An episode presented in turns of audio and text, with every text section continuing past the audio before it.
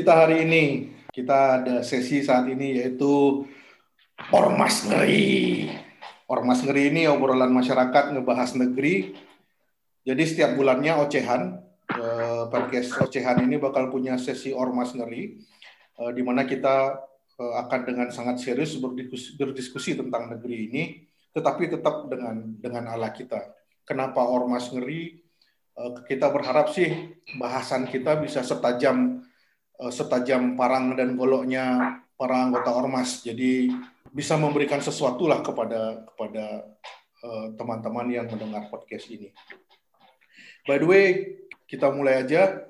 Kita saat ini tidak bertiga lagi. Ada bintang tamu.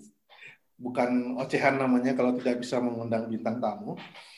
Kita ada bintang satu seorang bintang tamu apa yang kita undang dengan sistem LDR. Jadi kita benar-benar long distance recording.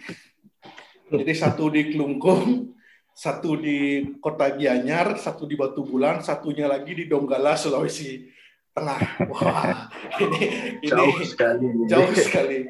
Uh, agak, agak seru ya karena posisinya satu di Pulau Bali, satu di Sulawesi. Tapi tidak jarak jarak bukan bukan bukan halangan untuk kita bisa berdiskusi. Tamu kita hari ini uh, seorang bapak beranak dua dan beristri satu. Perlu sekali nyebut begitu ya? Iya, harus harus. Status itu penting, Pak. yang mengakibat apa yang mengabdikan dirinya kepada negara sebagai penegak hukum. Ya, kuilah kita kenalan lah. Saya panggil yang mulia atau gimana nih enaknya? Aduh, yang mulai yang mulai aja gitu ya. Mulia. Perlu diketahui nama lengkapnya nanti silahkanlah bapak yang ya, bapak atau yang mulia yang memperkenalkan diri biar biar lebih enak. Silakan yang mulia. Halo teman-teman semua, Pak Ade, teman-teman yang lain yang sekarang sedang di channel ini apa namanya ya? Uh, saya Ketut Darpawan, sekarang sedang ada di uh, Donggala, Sulawesi Tengah. Terima kasih sudah diundang. Mudah-mudahan kita bisa banyak ngobrol tentang banyak hal soal hukum nanti dipandu oleh Pak Ade. Lanjut Pak Ade. Oke, saya panggil Bapak aja lah gitu ya. Kalau kalau dulu biasanya panggil Kum gitu, karena panggilannya Kum Kum. Tapi sekarang udah enak, saya panggil Pak lah. uh, udah, udah. Eh, kumpak gimana? kumpak. Uh, Wah ternyata Bapak ter terdengar masih sangat sitang ternyata senang saya, saya dengar. Ui, ui, Walaupun iya, sudah lama tidak blasting dan grinding lagi ya. blasting, blastingnya di permukaan yang berbeda sekarang. Jadi Prem Prema dan Deida uh, perlu ketahui uh, Bapak Ketut Darmawan ini dulu drummer drummer yang sangar dari band death metal yang lalang melintang di Pulau Bali, di skena metal Pulau Bali. Nama bandnya Infernal Desire. Ya dulu biasanya grinding, blasting pakai drum dan double pedal. Kalau sekarang grindingnya berjuangnya pakai palu sidang sama sama undang-undang. Agak berbeda ini ya. Tapi keren, keren banget. Ini keren banget. Jadi uh, di dalam situasi yang berbeda uh, fitrahnya atau menjalankan amal ibadahnya uh, semoga diterima di sisinya gitu dengan dengan enak sekali kita bisa berdiskusi oke ada beberapa pertanyaan sebenarnya pak uh, terkait negeri ini sebenarnya ada pertanyaan yang banyak uh, tapi kita akan bikin sesi dan kalau kemungkinan besar kita akan juga mengundang Ibu Santi uh, mungkin di bulan September hmm untuk bahas yang yang lebih lebih uh, topik yang lebih beda seperti itu. Tapi yeah, yeah. sebenarnya pengennya ngejar ngejar tentang korupsi, cuman uh, tapi minggu depan mungkin kita bertiga, saya bertiga dengan Prema dan Dayuda akan lebih lebih lucu-lucuan aja ngomongin korupsi.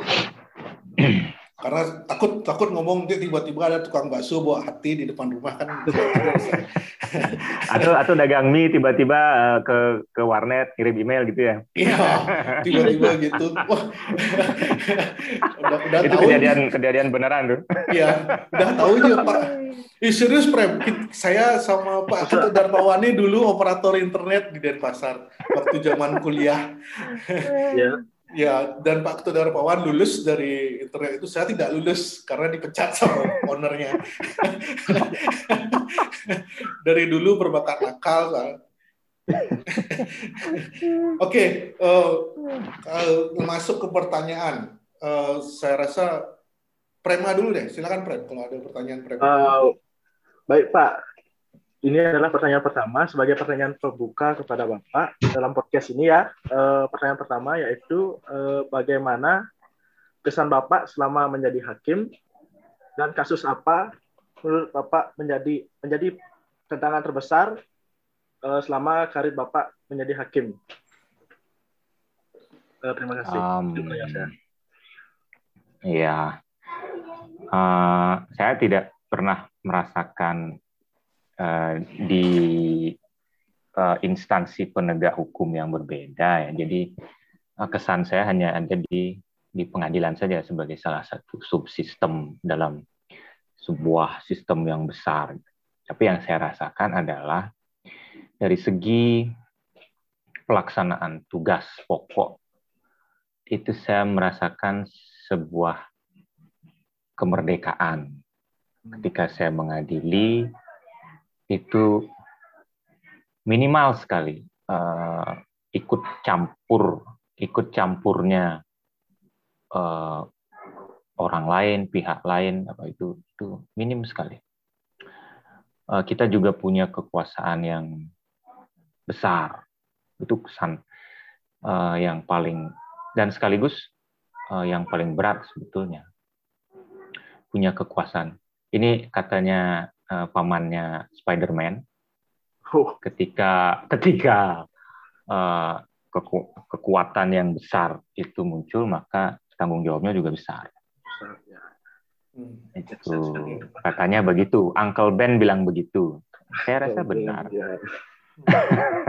Jadi uh, pesan saya begitu, kita punya besar sekali kekuasaan, kita punya kemerdekaan untuk menjalankan kekuasaan itu, Nah, kemudian terngiang-ngiang juga lah di kepala bahwa kekuasa mempunyai kekuasaan saja kita cenderung akan menyalahgunakannya.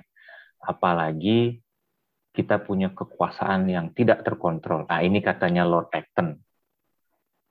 Uh, power tends to corrupt, absolute power corrupt absolutely, gitu ya kira-kira gitu ya. Hmm, hmm, hmm. Selama kalau di pengadilan saya sudah uh, eh, 2004 hampir dua, uh, 17 tahun. Kalau menjabat hakimnya sudah uh, 2007 berarti berapa ya? 14 tahun ya. Kira-kira 14 tahun. Hmm. Ya itu kesan yang yang paling besar itu.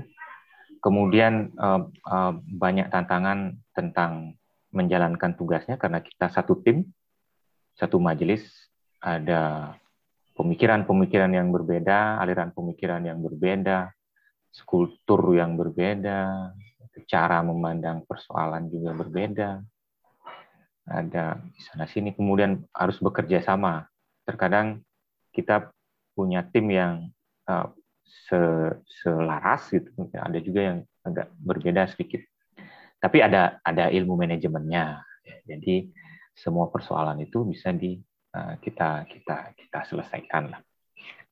Kemudian apa ya kesan kesan lagi ya uh, kesannya ini uh, uh, saya uh, kalau jadi hakim itu karena ke mana-mana jadi selalu mendapatkan suasana baru selalu selalu merasa masuk ke dalam kultur-kultur uh, masyarakat yang baru tapi uh, ada sebagian yang sebenarnya tidak berubah uh, dari satu masyarakat di masyarakat yang lain ada yang sama saja, tapi ada secara spesifik kita harus uh, beradaptasi dengan jadi selalu beradaptasi karena kita pindah-pindah terus seperti saya dulu ketemu Pak Ade di Kelungkung Nah, setelah itu pergi lagi ke tempat yang jauh lagi, lebih jauh lagi, ketemu. Hmm. Ya hakim pindah-pindah. Jadi merasakan bagaimana satu merasakan bagaimana repotnya berpindah tempat dengan keluarga, uh, tapi di sisi lain juga uh, apa namanya memperkaya diri gitu ya, memperkaya uh, memperkaya uh, apa dalam, namanya dalam, dalam wawasan. Ya? Oh, bukan memperkaya wawasan, memperkaya secara melawan hukum, memperkaya wawasan kita. Ada hal uh, yang seperti itu yang secara positif saya kami semua syukuri dan uh, kesan kami terhadap satu hal itu berbeda dengan hakim yang lain misalnya yang yang tidak selalu bersama keluarganya pasti dia agak agak berbeda.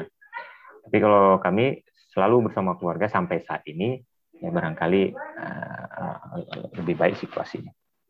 Hmm. Kalau kasus-kasus saya apa ya saya tuh punya prinsip begini uh, semua kasus itu penting gitu. Tidak ada kasus yang tidak penting tidak penting gitu. Hanya bedanya ada kasus yang menarik perhatian masyarakat ada yang seksi dia dalam tanda kutip ada yang tidak. Tetapi persoalan menarik dan tidak kadang-kadang kan ditentukan oleh satu kekuatan lain, satu komunitas lain atau satu industri yang lain gitu dalam tanda hmm. media melihat bahwa satu satu satu kasus ini kayak akan kita buat menjadi menarik perhatian. Tapi apakah tidak sama pentingnya kasus tentang tanah 50 meter persegi di kaki bukit di sebuah desa yang terpencil di satu daerah dengan satu hektar tanah milik seseorang di kota besar. Kan bisa jadi sama pentingnya tuh. Bisa hmm. jadi sama-sama menjadi satu-satunya harta bagi mereka atau sama-sama menyinggung harga diri masing-masing orang dan sebagainya. Itu sama-sama penting. Sehingga saya jarang sekali jarang sekali menganggap satu perkara itu ini yang paling karena setiap setiap perkara itu harus diperhatikan detail dan sebagainya seolah-olah um, begitu kita mencurahkan pikiran kepada perkara itu tiba-tiba selesai dia kita lepaskan begitu saja. Cuman kalau yang menarik perhatian itu ada beberapa perkara menarik perhatian. Ketika saya bertugas di Jawa Timur itu ada yang menarik. Masa besar. Karena dia bersinggungan dengan orang-orang yang di, di, di, ditokohkan di situ atau mempunyai masa yang besar, bersinggungan dengan orang-orang yang berkuasa di pemerintahan itu misalnya itu ada. Cuman saya nggak sebutkan ya. Nah, jadi ya kira-kira gitulah. Oke. Okay. Oh, ngeri juga ya kalau umpamanya harus berhadapan dengan yang seperti itu tapi ya namanya tugas kan ya uh, ya saya pikir kekuasaan absolut itu menarik hal yang menarik sekali. Karena kan bisa dibilang sangat absolut ya. Uh, sebagai perpanjangan tangan perpanjangan tangan Tuhan istilahnya. Uh, tetapi tetapi uh, apa secara hati nurani pasti juga ada benturan atau ya ada ada lontaran-lontaran lah letupan-letupan yang wah ini kadang-kadang kalau kita bicara intervensi saya nggak akan jauh jatuh ke sana karena uh, uh, kita bisa lihat dan baca lah uh, apa, apa yang terjadi di negeri, di negeri ini. Tapi kalau saya pikir banyak sekali secara nurani juga hakim sendiri pasti berusaha seadil-adilnya dan dan dan apa ya se seminimalisir meminimalisir konflik uh, turunan yeah. dari dari kasus itu seperti itu. Yeah. Hmm. Uh, Dayuda ada pertanyaan? Oke, okay. uh, eh, ada. Hmm. Jadi jadi kan um, jadi hakim ini selain kekuasaannya besar, tanggung jawabnya juga besar sekali ya. Jadi bagaimana juga kita menyikapi setiap perkara ini uh, sama pentingnya. Jadi bagaimana sih Pak uh, pertimbangan dalam mengambil suatu keputusan itu? Seperti apa kira sekiranya? Uh, perkara itu kan banyak ya kalau di eh, di saya di di peradilan umum itu ada perkara pidana, ada perdata. Perkara perdata pun itu ada yang perkara-perkara yang sederhana sekali. Seperti contoh misalnya uh, uh, mengubah nama gitu. Itu kan tidak ada tidak ada tidak ada masalah di belakangnya. Uh, barangkali ada yang merasa namanya, aduh kurang bagus nih saya saya saya tambahin dikit apa gitu. Itu tidak ada masalah itu terserah aja. Kecuali ketika dia mau mengubah nama dia ingin mengaburkan identitasnya itu persoalan lain. Nah, hal-hal yang seperti itu pertimbangannya ya ya sederhana saja. Menurut undang-undang, tata cara pengubahan nama begini, begini. Lalu dicari alasannya apa. Disidangkan kalau tidak ada, kalau pihaknya sudah siap, satu kali disidangkan, sudah selesai kadang-kadang. Bagaimana mempertimbangkannya? Ya satu ada pertimbangan yuridisnya secara hukum sudah memenuhi syarat atau tidak, pembuktian-pembuktiannya secara formal bagaimana apakah benar dia ini orang yang tadinya bernama ini lalu ingin mengubah namanya ini.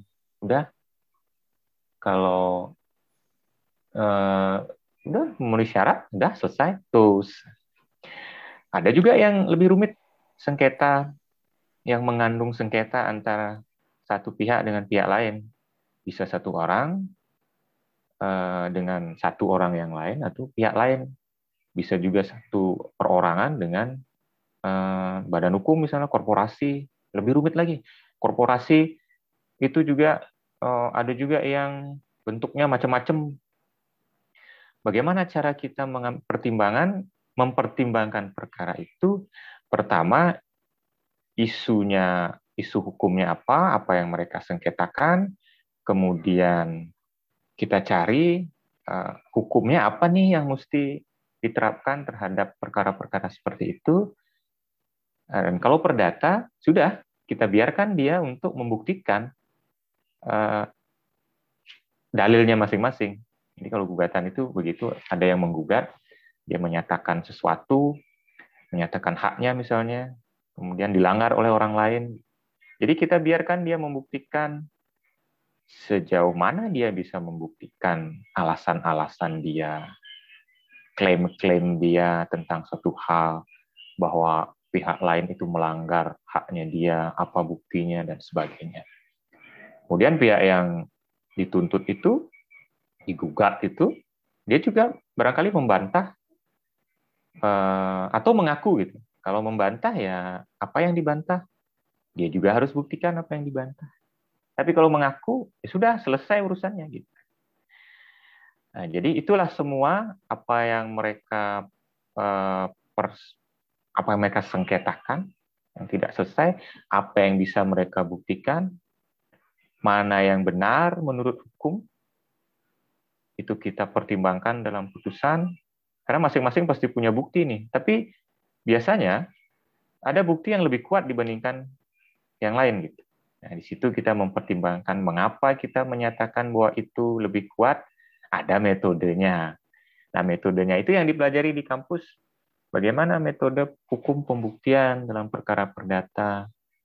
Ada kalau perdata bagaimana? Ada bukti apa saja yang diakui? Nah, gitu. Pidana juga begitu sama. Uh, ada ada metodologi pembuktiannya, kemudian jaksa yang membuktikan, dalam perkara-perkara pidana umum, uh, dia mengajukan tuntutan, dia mengajukan dakwaan ya tuduhan gitu. Uh, kamu mencuri pada hari ini, kamu mencuri sepeda motor milik uh, sepeda motor itu milik si A, kamu mencurinya, kamu mengambilnya tanpa izin dari dia. Gitu. Siapa yang membuktikan itu ya jaksa penuntut.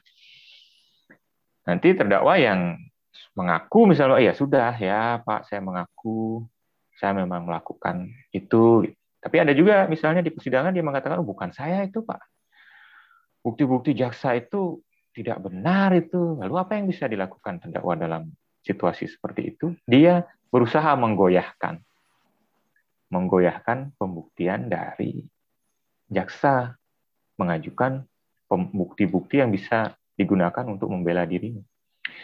Nah, itulah pertarungan-pertarungan seperti itulah yang kita perhatikan di ruang sidang. Siapa yang lebih kuat?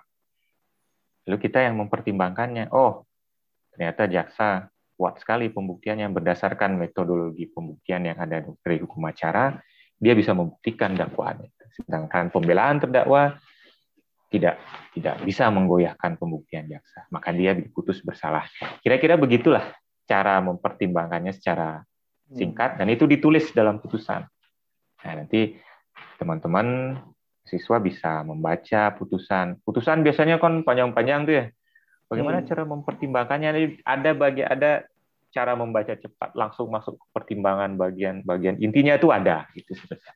Nanti di lab biasanya di Fakultas Hukum itu ada di jurusan tertentu ya yang sering sering membahas putusan-putusan itu biasanya tahu nih. Oh begini caranya hakim cara berpikirnya hakim, metode yang digunakan sampai akhirnya si terdakwa ini dinyatakan bersalah. Oh begini, nah, gitu kira-kira ya. Terima kasih. Lengkap banget. Uh, jadi ini nama, nama SKS ini Pak Ade, jadi ya. mungkin agak 145 SKS Pak, habis ini langsung wisuda. iya, langsung wisuda. Tinggal SKP aja yang penting. kita berusaha padat-padatkan dengan dengan cara yang yang nggak, sederhana. Nggak apa-apa, nggak apa-apa. Jadi malah lebih bagus karena uh, uh, orang kan kadang-kadang bertanya-tanya gitu kan. Hmm. Uh, apa sih jadi pertimbangan?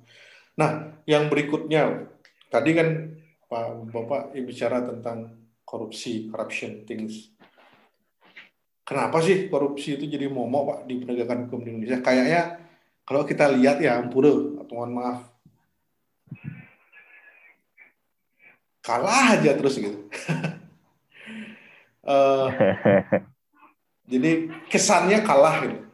Uh, dan dan saya pikir penting sekali kita kalau untuk untuk uh, melihat kalau dari sisi penegak hukum kenapa sih ini jadi momok gitu silakan kenapa nggak nggak selesai-selesai gitu ya Pak Ade ya? Uh, iya, jadi momok deh. Jadi pokoknya intinya pada saat berhadapan uh, dengan uh, apa? Dia dia tidak selesai. Terus orang jadi takut gitu ya? Oh, orang jadi oh, takut. Oh, enggak, enggak kita jadi, aduh kita berhadapan dengan hukum itu apa kita nggak nanti nggak dia apa-apain gitu misalnya ada nggak yang nanti Betul. kita diperas gitu apa gitu ya? pokoknya intinya ya. kenapa sih kasus korupsi ini selalu, selalu menjadi momok dalam penegakan hukum di negeri ini gitu? Banyak banyak persoalan sih ya pak ya. Hmm. Ada uh, beberapa saya saya baca dari uh, penelitian teman-teman di uh, kelompok-kelompok sipil masyarakat sipil itu saya lihat ya ya uh, banyak persoalan di dalam sistem uh, apa ya di dalam sistem peradilan entah itu di personilnya banyak celah-celah di personilnya soal integritasnya gitu ya uh, uh, kemudian uh, ada juga di persoalan ada celah-celah dalam sistemnya entah itu peraturan perundang-undangan uh, kemudian kultur juga mempengaruhi kultur masyarakat yeah. Iya. uh, juga berpengaruh. Tapi kalau kalau sudut pandang kita kepada kekuasaan, maka mata kita harus tertuju kepada yang punya kekuasaan ini. Maka sebetulnya problem integritas lah, integritasnya yang jadi persoalan. Uh, uh, Ini sangat kompleks sebenarnya, hampir kompleks. Kompleks sekali. Kenapa hmm. sih uh, uh, kenapa masyarakat uh, gimana ya? Kenapa kenapa masyarakat boleh dikatakan kurang percaya dengan hukum sekarang? Kenapa korupsi masih merajalela? Uh, ada penegak hukum yang tidak berintegritas. Hmm. Ada juga masyarakat yang menghalalkan segala cara hanya sekedar menang gitu, atau nah, ya hmm. hanya uh, ingin diuntungkan gitu misalnya. Hmm. Ini berjodoh ini ya, korupsi ini berjodoh dengan dengan keinginan masyarakat. Misalnya begini, contoh-contoh kecil. Uh, kalau kena tilang itu misalnya zaman dulu ya, kita Hmm. lebih milih ruwet-ruwet ke sidang atau Pakai calo. Aduh, Pak, udahlah Pak. Pakai calo. Ya, selesaikan di sini. Pakai calo gitu. Iya. Iya benar Ini nih, contoh kecil. calo itu ya, benar ya. Jadi calo itu adalah yang tidak berintegritas dan masyarakat juga permintaannya tinggi untuk untuk untuk menggunakan sistem calo ini ya. Itu kan supply dan demand hukum pasar Ya, nih Pak. Hukum pasar. Tetapi tapi begini, saya tidak tidak tidak ingin menyalahkan masyarakat. Harusnya si cal- eh, orang-orang ini aparatur negara tidak bisa disuap. Itu aja intinya. Kalau bisa disuap sampai kapan pun masyarakat akan memilih cara yang termudah. Gitu. Coba sekarang misalnya hakimnya, polisinya, jaksanya, begitu ada masyarakat, Pak, apa kayak caranya Pak? Eh, ini eh, tolong ini saudara saya ini tidak sengaja dia begini, tolong diringankan aja Pak tuntutannya. Nanti hakimnya juga mo- mohon di, dihubungi nanti supaya hukumannya jangan terlalu berat. Kalau jaksanya bilang, oh no, saya nggak bisa begitu Pak, saya tidak bisa menjanjikan apa-apa kepada Pak. Kita lihat saja hukumnya begini. Hakimnya juga begitu, eh usah. Terus mau bilang apa? Masyarakat kan akhirnya akan tergiring kepada situasi yang hukum yang, yes, hukumnya gitu. Iya. Jadi kadang-kadang kita kalau penegak hukum seringnya begitu enaknya masyarakat tolong jangan suap kami jangan goda kami lemah sekali nih orang dia digaji tiap bulan gede-gede punya kekuasaan kok dia yang merengek-rengek minta tidak didekati Iya. karena kan lucu namanya itu jadinya Hmm. Nah, jadi Iya. sebenarnya integritas dari penegak hukumnya itu yang yang bermasalah sehingga kita belum keluar keluar sampai sekarang. Nah, kenapa itu terjadi?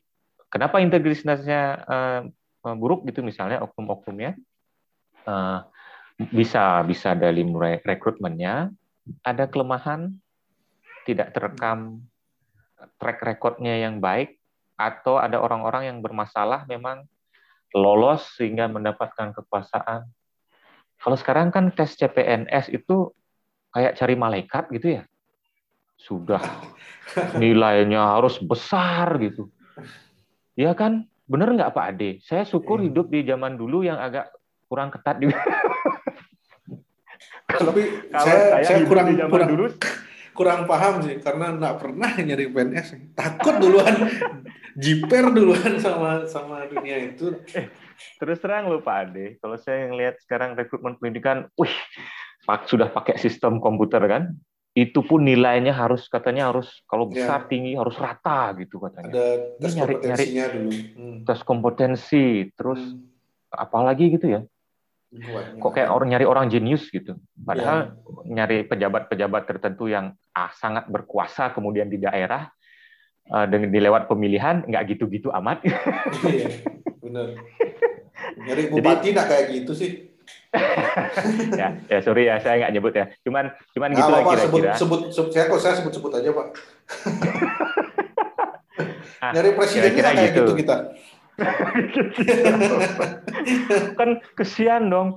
Eh, tapi ya, ya mungkin harapannya adalah dengan sistem rekrutmen yang seperti itu nanti diharapkan ada bonus eh, aparatur sipil negara yang memang benar-benar eh, pintar, berani, eh, dan jujur. Nah, pintarnya ini udah gampang dapat, berani dan jujurnya ini jadi persoalan.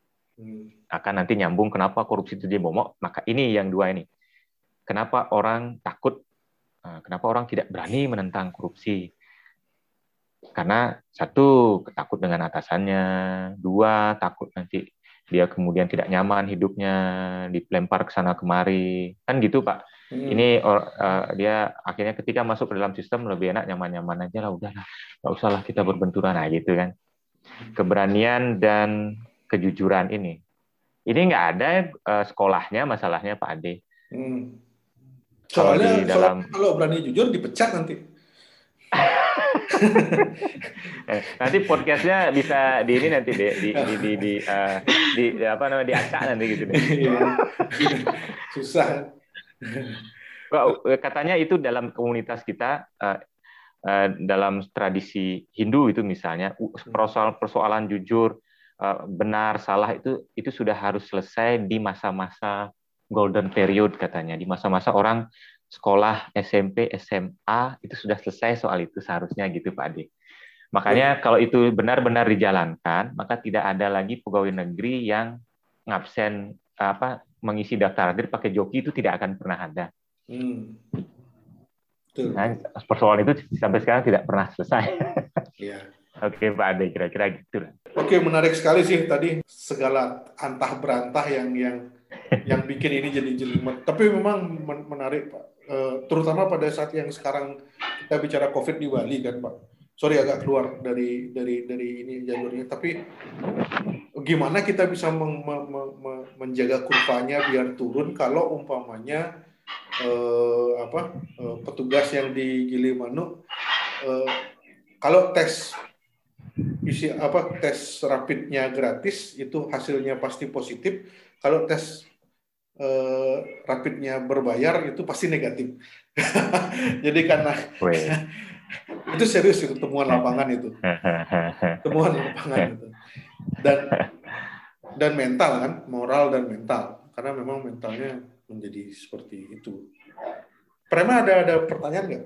Ini makin uh, panas nih makin lama makin panas uh, ada beli uh, baik untuk pertanyaannya untuk bapak ya uh, menurut bapak hukuman apakah yang paling efektif untuk memberikan efek jerah kepada koruptor-koruptor ini pak? Um, ini susah dijawab karena perkara korupsi itu macam-macam, jenisnya banyak sekali, puluhan puluhan jenis korupsi, mulai dari yang tadi saya sebut tadi itu nyuap polisi, hmm. itu korupsi itu. Hmm. Yang nyuap kena, polisinya yang terima kena kan gitu contoh itu ya contoh kalau Sekarang, uang SPP pak saya pelaku soalnya dari dulu Jadi, ya. Nah, inilah kan itu bagian uh, korupsi sebenarnya kan? Itu itu sebenarnya ya. pembelajaran korupsi yang paling korap. dasar sebenarnya kan? Korap, ya. Perilaku korap yang paling dasar. Korap itu kan artinya rusak ya, buruk ya. Makanya ada perilaku koruptif. Tetapi tindak pidana korupsi, maka terminologi itu mengacu kepada apa yang diatur di dalam undang-undang tindak pidana pemberantasan tindak pidana korupsi. Tetapi secara eh, itu yang yang yang baru masuk ke sana ya, pada perilaku koruptif atau tindakan yang bisa dikategorikan koruptif itu banyak sekali. Eh, kalau misalnya kita mengacu kepada uh, konvensi uh, tentang uh, UNCC ya, itu korupsi swasta mestinya diatur di dalam perundang-undangan negara uh, anggota. Tapi apa yang terjadi? Korupsi swasta itu sudah Maksudnya? masuk nggak ke dalam undang-undang korupsi?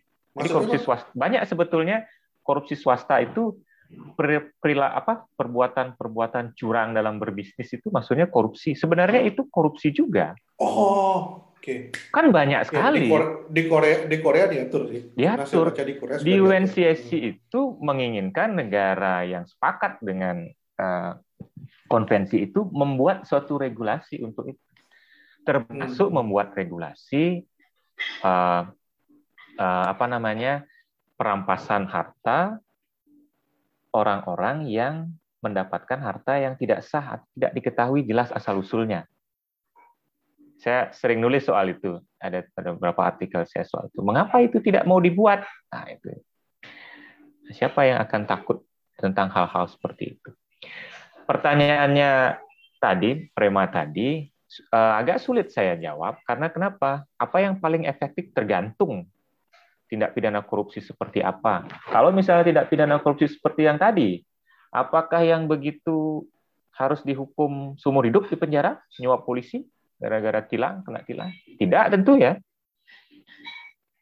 Eh, apakah penjara juga barangkali orang kalau di banyak orang mengatakan oh, yang itu nggak usah di penjara, kasih aja hukuman push up dia beberapa ya push up satu hari gitu polisinya.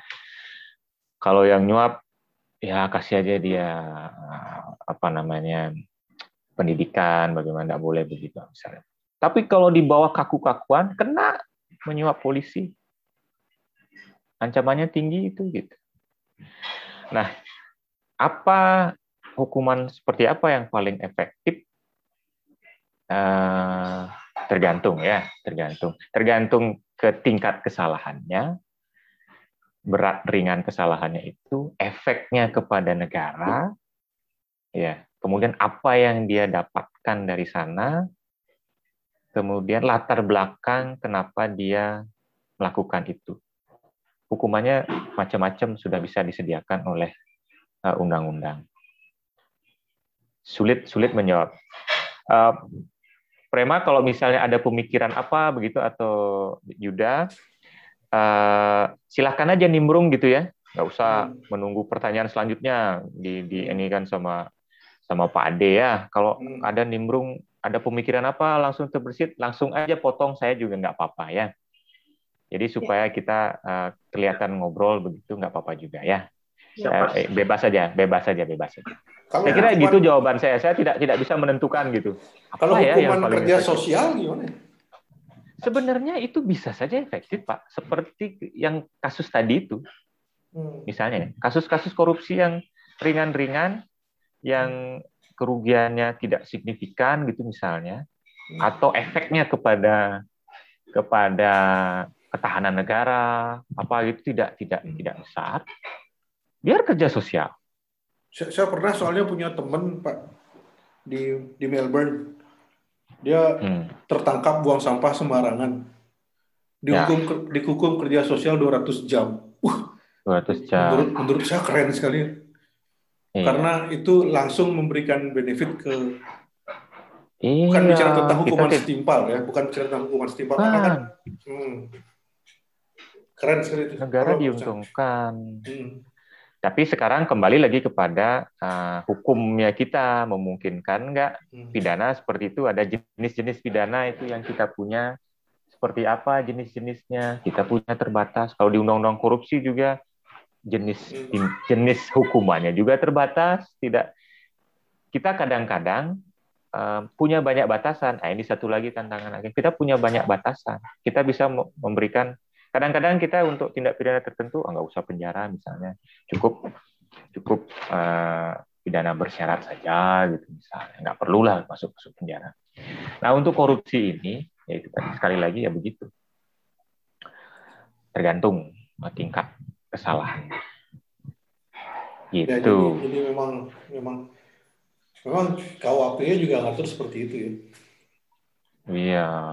Dan kalau korupsi misalnya uh, diatur diatur juga uh, ancaman pidananya di setiap pasal yang ada di Undang-Undang Korupsi itu diatur. Ancamannya apa nih? Oh, pidana penjara. Ada yang pasal 2 sampai pidana mati gitu misalnya kan. Hmm. Dalam hal ah. apa pidana mati? Setuju nggak orang ada hakim yang barangkali setuju menyatukan pidana mati, ada yang tidak juga kan? Itu kan jadi yeah. persoalan juga. Yeah, ada yeah. hakim yang yang kokoh dia dengan konstitusi kita. Hak hidup itu nggak bisa dikurangi dalam keadaan apa pun. Oke, hmm. pakai sudut pandang itu. Ada yang menyatakan ada sudut pandang yang berbeda. Bisa dibatasi itu karena satu hal yang ini ini ini gitu. Kita punya kalau itu berdebat nggak selesai itu Um, tak selesai-selesai. Uh, baik Pak, uh, kalau bicara masalah hukuman mati, kan belakangan ramai sekali nih. Uh, katanya kalau melakukan tindakan korupsi di masa bencana alam nasional dan lain sebagainya, di masa bencana lah akan uh, mendapatkan hukuman mati. Jadi bagaimana sih melihat dari perspektif hukum sendiri mengenai penjatuhan hukuman mati bagi koruptor? Apakah setiap korupsi di masa tersebut di masa bencana alam ya langsung dijatuhi hukuman mati atau ada mekanisme-mekanisme tertentu sebelum dijatuhi hukuman mati? Iya, itu hanya ada di satu pasal di pasal 2 Undang-Undang ya. Korupsi barang siapa yang memperkaya setiap orang yang memperkaya diri sendiri atau orang lain secara melawan hukum itu ya itu dipidana penjara berapa lama ya saya lupa tetapi dalam keadaan tertentu seperti uh, bencana nasional ya, nggak salah. Dia iya. dapat sampai dijatuhi hukuman mati, pidana mati gitu. Uh, jadi kalau dia didakwa menggunakan pasal itu, maka dalam keadaan tertentu, ketika memenuhi syarat dalam keadaan tertentu itu, itu di penjelasannya itu di, diatur, dijelaskan. Maka hakim kalau dia bersalah, hakim dapat menyatukan hukuman mati gitu. Hmm. Nah, uh, ya begitu hukumnya begitu ya tapi walaupun walaupun nggak walaupun pernah terjadi ya. Belum ini yang paling Iya, yang bantuan sekolah cuma 11 tahun. belum ya. Maksudnya belum tuntutannya belum pernah dulu. Pak belum Menteri, yang Pak, Pak Menteri 11 dulu kan, tahun. Sepuluh ribu per sepuluh iya. ribu per orang itu kan gila tuh. Ya, saya tidak bahas itu. Saya mungkin jadi uh, itu memang halangan bagi saya untuk membahas secara kode hmm. etik ya. Ya. Tetapi yeah. begitulah kira secara uh, hukum begitu dia. Hmm. Apakah uh, hukumnya mengatur begitu? Cuman kembali lagi itu tadi uh, apakah penuntut itu yang umum dipakai tuntutan atau tidak ya? Hukuman mati, kemudian apakah hak apakah pasal itu yang digunakan itu dulu hmm. pasal 2 itu apakah kemudian jaksa penuntut umum meminta agar hakim uh, menjatuhkan pidana mati apakah hakimnya akan menyatukan pidana mati? Nah, itu tadi eh, tergantung dari berbagai macam pertimbangan hukum. Berarti ya, berarti tidak serta merta baru melakukan tindakan pidana korupsi di tengah bencana nasional tidak langsung dijatuhi hukuman mati ya, karena ada tidak tidak ya uh, kalau dia momen kalau dia didakwa ya dituduh melakukan tindak pidana yang tidak ada ancaman hukuman matinya, dia tidak bisa dijatuhi pidana mati. Gitu ya. Jadi banyak tindak pidana korupsi itu banyak gitu. Ada penyuapan, ada ada yang itu tadi uh, uh, penyalahgunaan jabatan, menerima suap, memberikan suap. Kemudian ada kontraktor yang menyerahkan bangunan yang tidak sesuai dengan nah itu macam-macam tuh. Hmm. Tapi ini yang yang diancam hukuman mati hanya di satu pasal itu saja yang hmm. bisa diancam hukuman, yang bisa dijatuhi pidana mati gitu.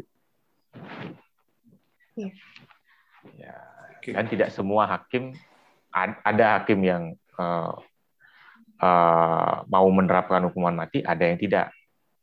Hmm. Jadi itu juga itu juga uh, tergantung sekali kepada ke, uh, ini hakimnya sendiri, bagaimana dia memandang pidana mati dia akan menjatuhkan pidana. Dia percaya nggak dengan pidana mati? Dia akan menerapkan pidana mati atau tidak? Gitu.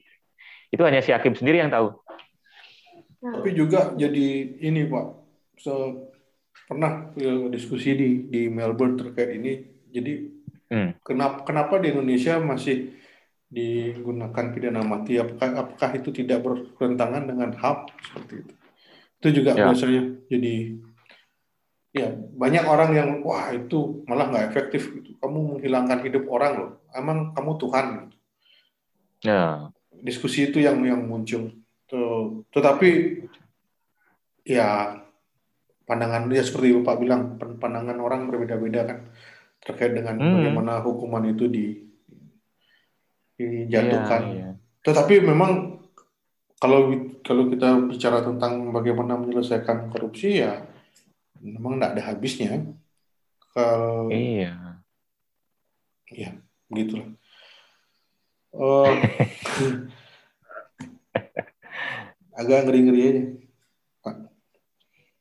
Karena tapi ada, ada satu boleh boleh boleh boleh ini ya. Hmm. Uh, sebenarnya sebelum kita memikirkan uh, menghuk hukuman apa ya bagi koruptor, ini kan ketika sudah terjadi ya. Hmm Ah, ketika sudah jadi orang sudah ditangkap baru kita mikirkan oh hukum apa dia ya supaya dia jerak supaya orang lain tidak takut? Jadi kan seolah-olah hukuman kepada dia kita gunakan untuk menakut-nakuti orang itu. Hmm. orang juga setuju nggak dengan itu? Ada orang berpendapat ada teori yang berpendapat hukuman nggak nggak boleh digunakan seperti itu. Hukuman ya hukuman kepada dia harus sesuaikan dengan kesalahannya dia seperti berat berat ringan ringan gitu. Tidak hmm. boleh digunakan untuk menakut-nakuti orang gitu Hmm. Tapi ada juga teori yang mengatakan salah satu fungsi hukumannya itu memang untuk membuat orang lain tidak melakukan itu kan? Ya, melakukan hal yang sama. Semua, hmm. semua punya dasar teori untuk mendukung pikirannya masing-masing. Hmm. Nah, tapi begini, baga bagaimana cara lebih lebih agak ini ini menurut saya efektif. Bagaimana caranya supaya kita, eh, orang tak orang jadi kalau pengen korupsi dia jadi takut gitu jadi mencegah gitu. Hmm. misalnya kayak kayak mencegah mencuri itu coba lihat di di di warung ini apa di toko yang di, di depan ininya dituliskan uh, warung ini toko ini dilengkapi CCTV ada empat CCTV Anda tidak akan bisa melakukan hmm. perbuatan tanpa terlihat dan kalau sampai terlihat kami akan melaporkan anda ke polisi hmm. orang baru melihat itu saja nggak takut kan ya. nah ditambah lagi memang benar ada CCTV-nya dan hmm. kemudian ditambah lagi memang reputasi daripada toko itu ketika ada yang melakukan itu jelas siapa pun dia akan diproses gitu. Nah, hmm. sistem-sistem seperti ini sebetulnya bagus untuk pencegahan. Seperti di Belanda, kenapa tereduksi karena salah satunya begitu. CCTV ada di mana-mana. Kemudian orang kalau menjual barang curian susah. Hmm. Kemudian orang tidak orang kalau melakukan perbuatan tercela itu misalnya dari orang orang dia di, dikucilkan. Nah, sekarang kita lihat masyarakat sekitar kita. Apakah orang-orang yang uh, sudah bisa kelihatan misalnya dia pejabat tertentu punya gajinya cuma sekian, tapi hidupnya kok kaya raya banget. Padahal bukan orang dari uh, asal usul yang memang kaya raya, tapi wah mewah banget hidupnya. Kebanyakan yang silau apa kebanyakan yang memandang dia rendah? Hmm. Iya. Kalau kebanyakan yang silau itu yang saya katakan tadi bahwa secara kultural kita kita silau dengan orang-orang yang kekayaannya itu orang-orang kaya yang walaupun kekayaannya tidak kita ketahui secara jelas dari mana, kita nggak peduli. Gitu. Kita harus membangun kultur di dalam masyarakat yang uh, mencegah orang-orang itu menjadi nyaman di dalam masyarakat itu. Kedua, sistemnya diperbaiki. Misalnya begini, kita melarang transaksi tunai untuk pembelian barang dalam uh, jumlah tertentu misalnya. Misalnya kalau membeli 5 eh, juta gitu misalnya, nggak boleh pakai cash. Harus pakai jalur sistem uh, lembaga keuangan gitu. Jadi kan gampang men-tracing uang. Hmm. Kalau sekarang beli mobil bisa cash orang, duit korupsi itu bisa disimpan di bawah tempat tidur Pak Ade supaya tidak terlacak oleh sistem perbankan. Beli dia sekarang mobil-mobil mewah pakai uang cash. kan tidak ter, terdeteksi itu. Gila. Nah, pencegahan ini sebenarnya yang lebih bagus. Jadi orang itu uh, nggak takut gitu loh. Saya punya duit banyak, terus ngapain nggak bisa saya belanjain juga?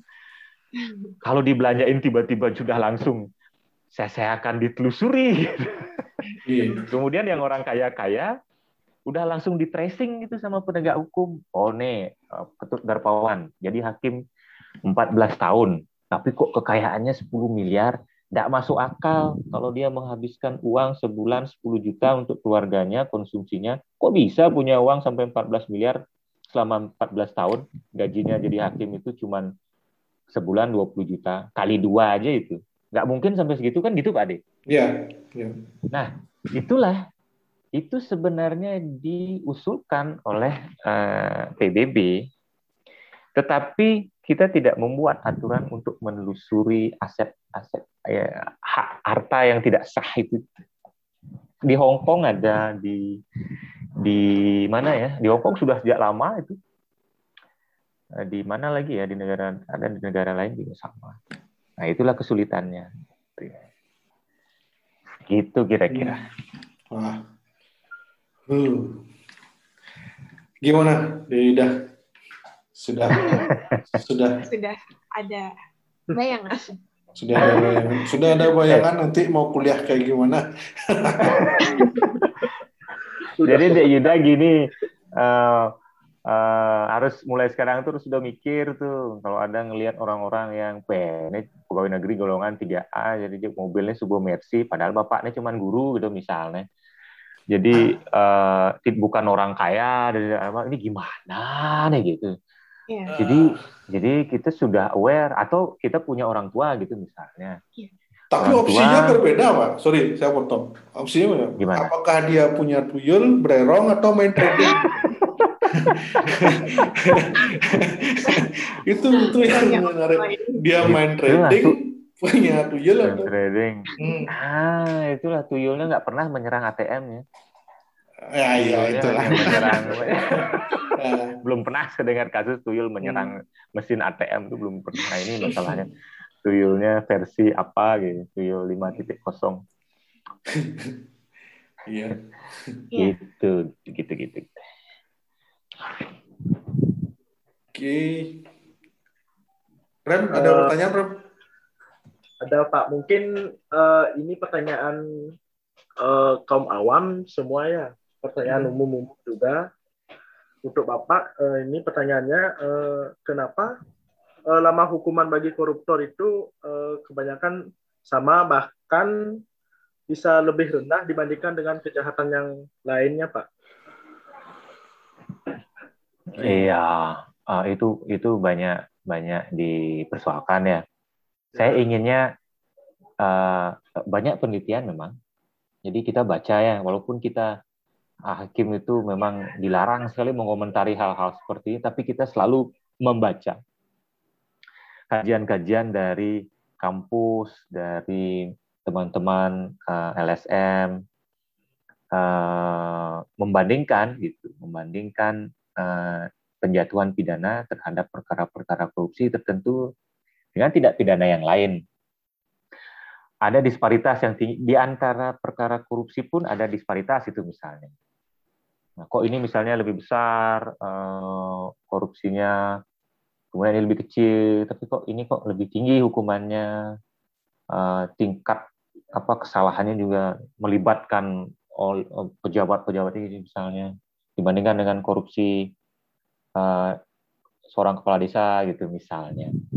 Itu banyak sekali sudah membandingkan membandingkan itu. Itu adalah problem-problem uh, disparitas uh, perbedaan penjatuhan pidana antara satu tindak pidana satu jenis tindak pidana yang sama antara satu perkara dengan yang lain atau antara yang lain selain lain jenis itu uh, ini problem disparitas ini berusaha sebetulnya oleh Mahkamah Agung untuk dicarikan solusi. Makanya kemarin ada pedoman pemidanaan untuk khusus perkara korupsi pasal 2 dan pasal 3. Dan Mahkamah Agung berencana untuk membuat juga pedoman pemidanaan untuk pasal yang lain. Nah, ini sebetulnya di di negara yang lain, di tradisi hukum negara di Amerika, itu malah melembaga pedoman pemidanaan ini. Ada lembaga namanya Sentencing Commission. Dia memang bertugas untuk uh, menghimpun putusan-putusan dari hakim uh, berbagai jenis tindak pidana. Jadi mereka kumpulkan, oh um, untuk negara bagian ini pidana yang dijatuhkan hakim terhadap tindak pidana misalnya pencurian gitu, pencurian tertentu gitu. Antara sekian sampai sekian gitu, eh, rata-rata penjara sekian sampai sekian.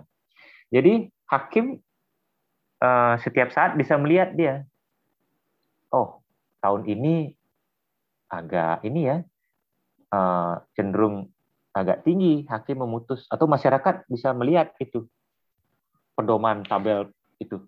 Data itu dia dia punya data begitu. Itu berguna buat masyarakat untuk mengontrol pengadilan berguna juga untuk institusi penegak hukum untuk kemudian mengevaluasi pemidanaan terhadap terdakwa dan kemudian mempergunakannya untuk merumuskan kebijakan-kebijakan pemidanaan. Efektif nggak ya orang dijatuhi pidana penjara yang agak lama gitu apa Apa mungkin kita uh, singkatkan saja pidananya, tapi pola pola uh, apa di LP itu ya pembinaannya yang diubah gitu misalnya. Jadi kalau pertanyaannya mengapa bisa ada ada perbedaan yang jauh, memang kita sulit menjawab apa yang terjadi gitu. Apa yang terjadi?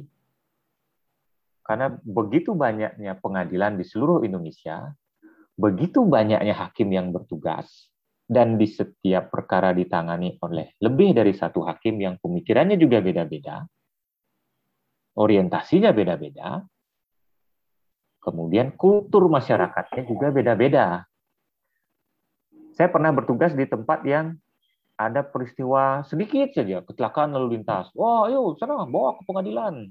Coba biar tahu rasa gitu. Begitu di situ.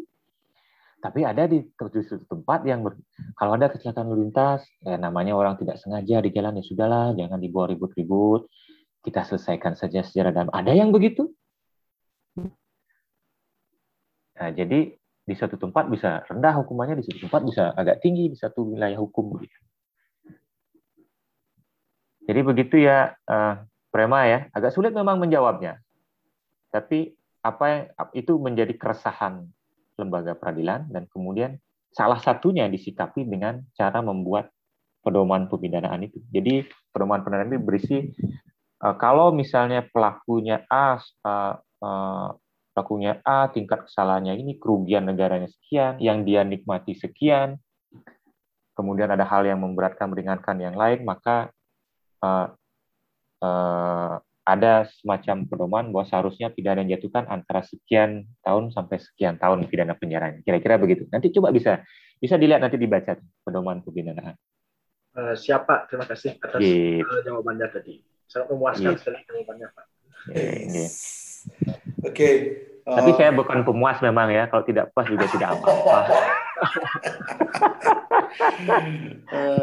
Biar aja Pak Ade yang jadi pemuas kita. ada satu yang menarik sebenarnya juga uh, Pak itu peng penggunaan hukum sebagai dasar pertimbangan. Jadi uh, ada beberapa case atau kasus yang memang uh, contoh umpamanya pencemaran lingkungan uh, dipidana dipiring tindak pidana ringan. Sedangkan sebenarnya di undang-undang pengelolaan lingkungan hidup, perlindungan pengelolaan lingkungan hidup yang baru itu hukumannya atau sanksinya lebih jauh lebih lebih berat untuk untuk untuk untuk tindak pidana yang sama seperti itu. Dan ada juga yang terakhir itu tentang penganiayaan hewan. E, terjadi di Gianyar kemarin di di e, Medahan. Jadi e, ada penganiayaan terus dijatuhkan e, pidana e, satu bulan seperti itu. Eh, tetap tapi kalau kita lihat di undang-undang perlindungan hewan it, it, itu lebih dari itu gitu. uh, seharusnya seperti itu.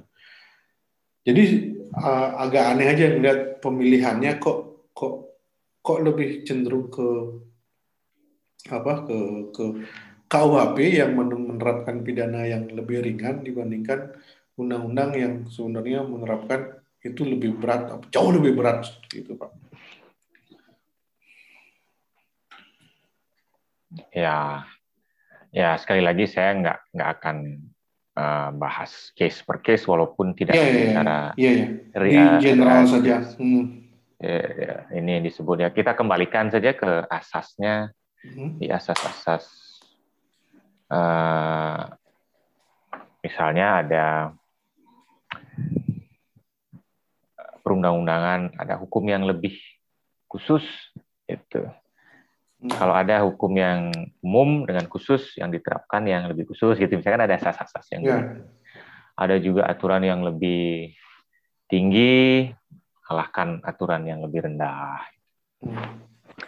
Banyak asas-asas hukum yang bisa menjadi pedoman dalam menentukan sikap bagaimana kemudian uh, uh, apa namanya memeriksa perkara gitu. Mulai dari penyidikan. Ini kan dikerjakan dari sebuah sistem besar, sistem peradilan pidana yang di dalamnya ada sub-sub sistem. Ada ada polisi di situ, mulai dari penyelidikan atau PPNS, mulai dari penyelidikan, penyidikan, penuntutan, mulai masuk mulai dari penyidikan sudah ada supervisi sebetulnya dari kejaksaan kan.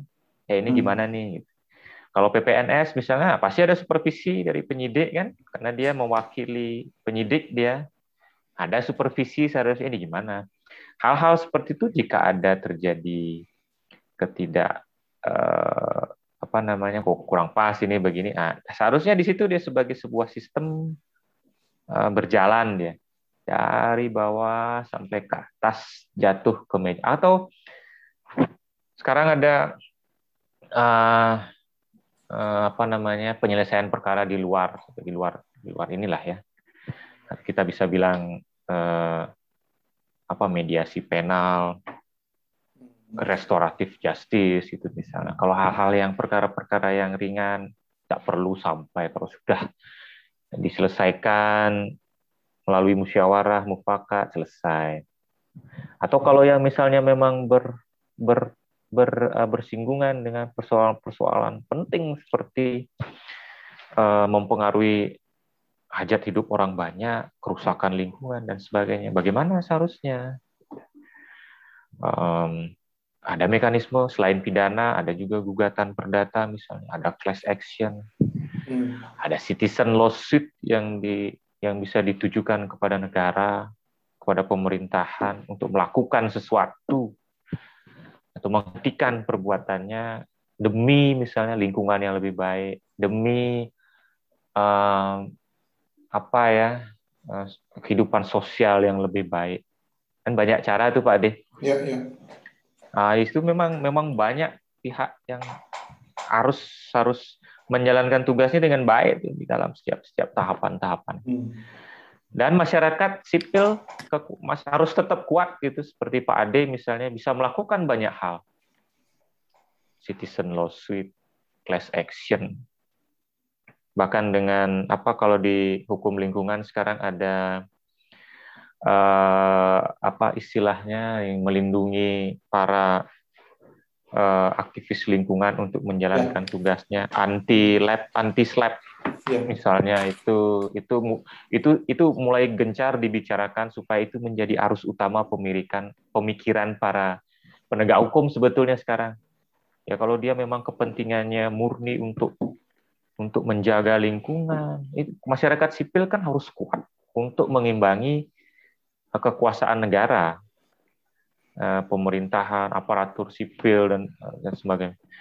Eh, sebenarnya sih dalam kondisi normal tidak perlu bikin masyarakat repot-repot untuk cukup masyarakat tuh dibikin tentram, cari kerja, biar urusan-urusan ngelola negara itu sudah aparatur negara udah digaji kan gitu ya Pak ya. Cuma dalam hmm. keadaan tertentu ya mau bagaimana harus membangun kekuatan dia untuk ya itu mengontrol kekuasaan yang hmm. tidak dikontrol akan jadi Nah itu tadi kembali lagi kepada yeah. apa yang didorongkan Om Om Acton. hmm, sip. Wah, keren. Wih, nggak terasa ya? Kalau ngorte gini, yeah, itu hampir, ya asik ya. Hampir satu setengah jam.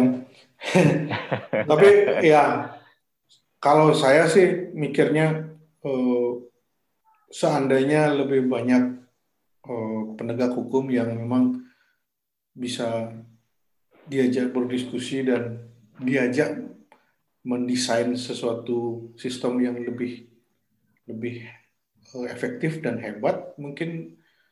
Dan di satu sisi juga integritas dan moral bisa digarap uh, untuk memastikan bahwa hal-hal yang memang di luar dari konteks hukum itu bisa diminimalisir resikonya kita akan bicara tentang sesuatu yang ideal di, di negara kita. Cuma yeah. permasalahannya saat ini kan uh, kalau kita bicara oh sistemnya bobrok, enggak kok sistemnya ada dan sebenarnya uh, uh, ada beberapa sistem yang sangat bagus asal asal asal implementasinya bagus gitu. Tapi iya. masalah, tapi masalah utamanya kan kembali ke bapak yang saya ambil dari bapak tadi moralnya, integritasnya. Jadi oh, kompleks, kompleks sekali uh, bicaraannya. Saya jadi kepikiran ke mungkin ke depannya kita harus ocehan harus ngobrol juga ngundang juga jaksa, hakim, polisi duduk sama-sama terus iya. bicara tentang iya, eksekusi yang sama. Ya. Tapi terima kasih banyak untuk malam ini, Pak. Uh, ya, makasih. Yang mulia, Pak terima kasih banyak. Makasih Pak. Hmm. Makasih Pak. Iya, makasih ya teman-teman ya. Iya, hari ini hari ini saya gembira karena uh, apa? Banyak sekali sesuatu yang sebenarnya masih mengganjal, tapi uh, nanti kita bikin sesi lain lah. Uh, ada ada lagi yang contoh kayak UU ITE itu mengganjal banget. Uh, iya. dan KUHP yang baru RKUHP yang baru yang uh, wih panjang tuh perdebatan. Ya. Undang-undang ITE aja hmm, uh, ketika dia ber, bertransformasi dari beberapa pasal di KUHP yang hmm. sebetulnya sudah bagus sistemnya di KUHP itu ketika menjadi undang-undang ITE dia jadi Iya, itu maksudnya. Mana nih? Padahal tiga tiga sepuluh hmm. sampai tiga dua belas itu udah bagus sebenarnya di KUHP, tapi begitu ditransfer ke undang-undang ya. ITE jadi dan nah, lucunya lahirnya ITE sendiri kan dari dua kubu itu ada yang kubunya Universitas A dan Universitas B gitu. Dan, jadi kenapa kalau kita telusuri jadi wah ini kok jadi kepentingan yang arah ke situ gitu. Iya, iya. Sampai sekarang itu di di internal kami juga di terus di uh, secara ini ya dibahas hmm. secara tertutup ya Pak Ade. Ada ya. forum ya, ya. grup discussion yang soal hmm. khusus bagaimana hakim-hakim juga selalu ber berdiskusi bagaimana menerapkan pasal ini bagaimana uh, ada jurisprudensi terus terus sudut pandangnya bagaimana itu terus terus dilakukan loh Pak Ade. Ya, saya saya yakin ya, memang sama, pasti akan jadi tetap bahasan dan ya. dan mudah-mudahan akan akan tidak hanya menjadi bahasan tetapi lebih ke solutifnya seperti apa solusinya seperti ah, ya ya memang memang tujuannya kan ketika kita uh, membicarakan itu karena kita hakim jadi pasti akan digunakan itu ketika hmm. dia uh, menerapkannya uh, seperti apa nanti uh, sudut pandangnya. Nah, paling tidak kita saling bicara gitu.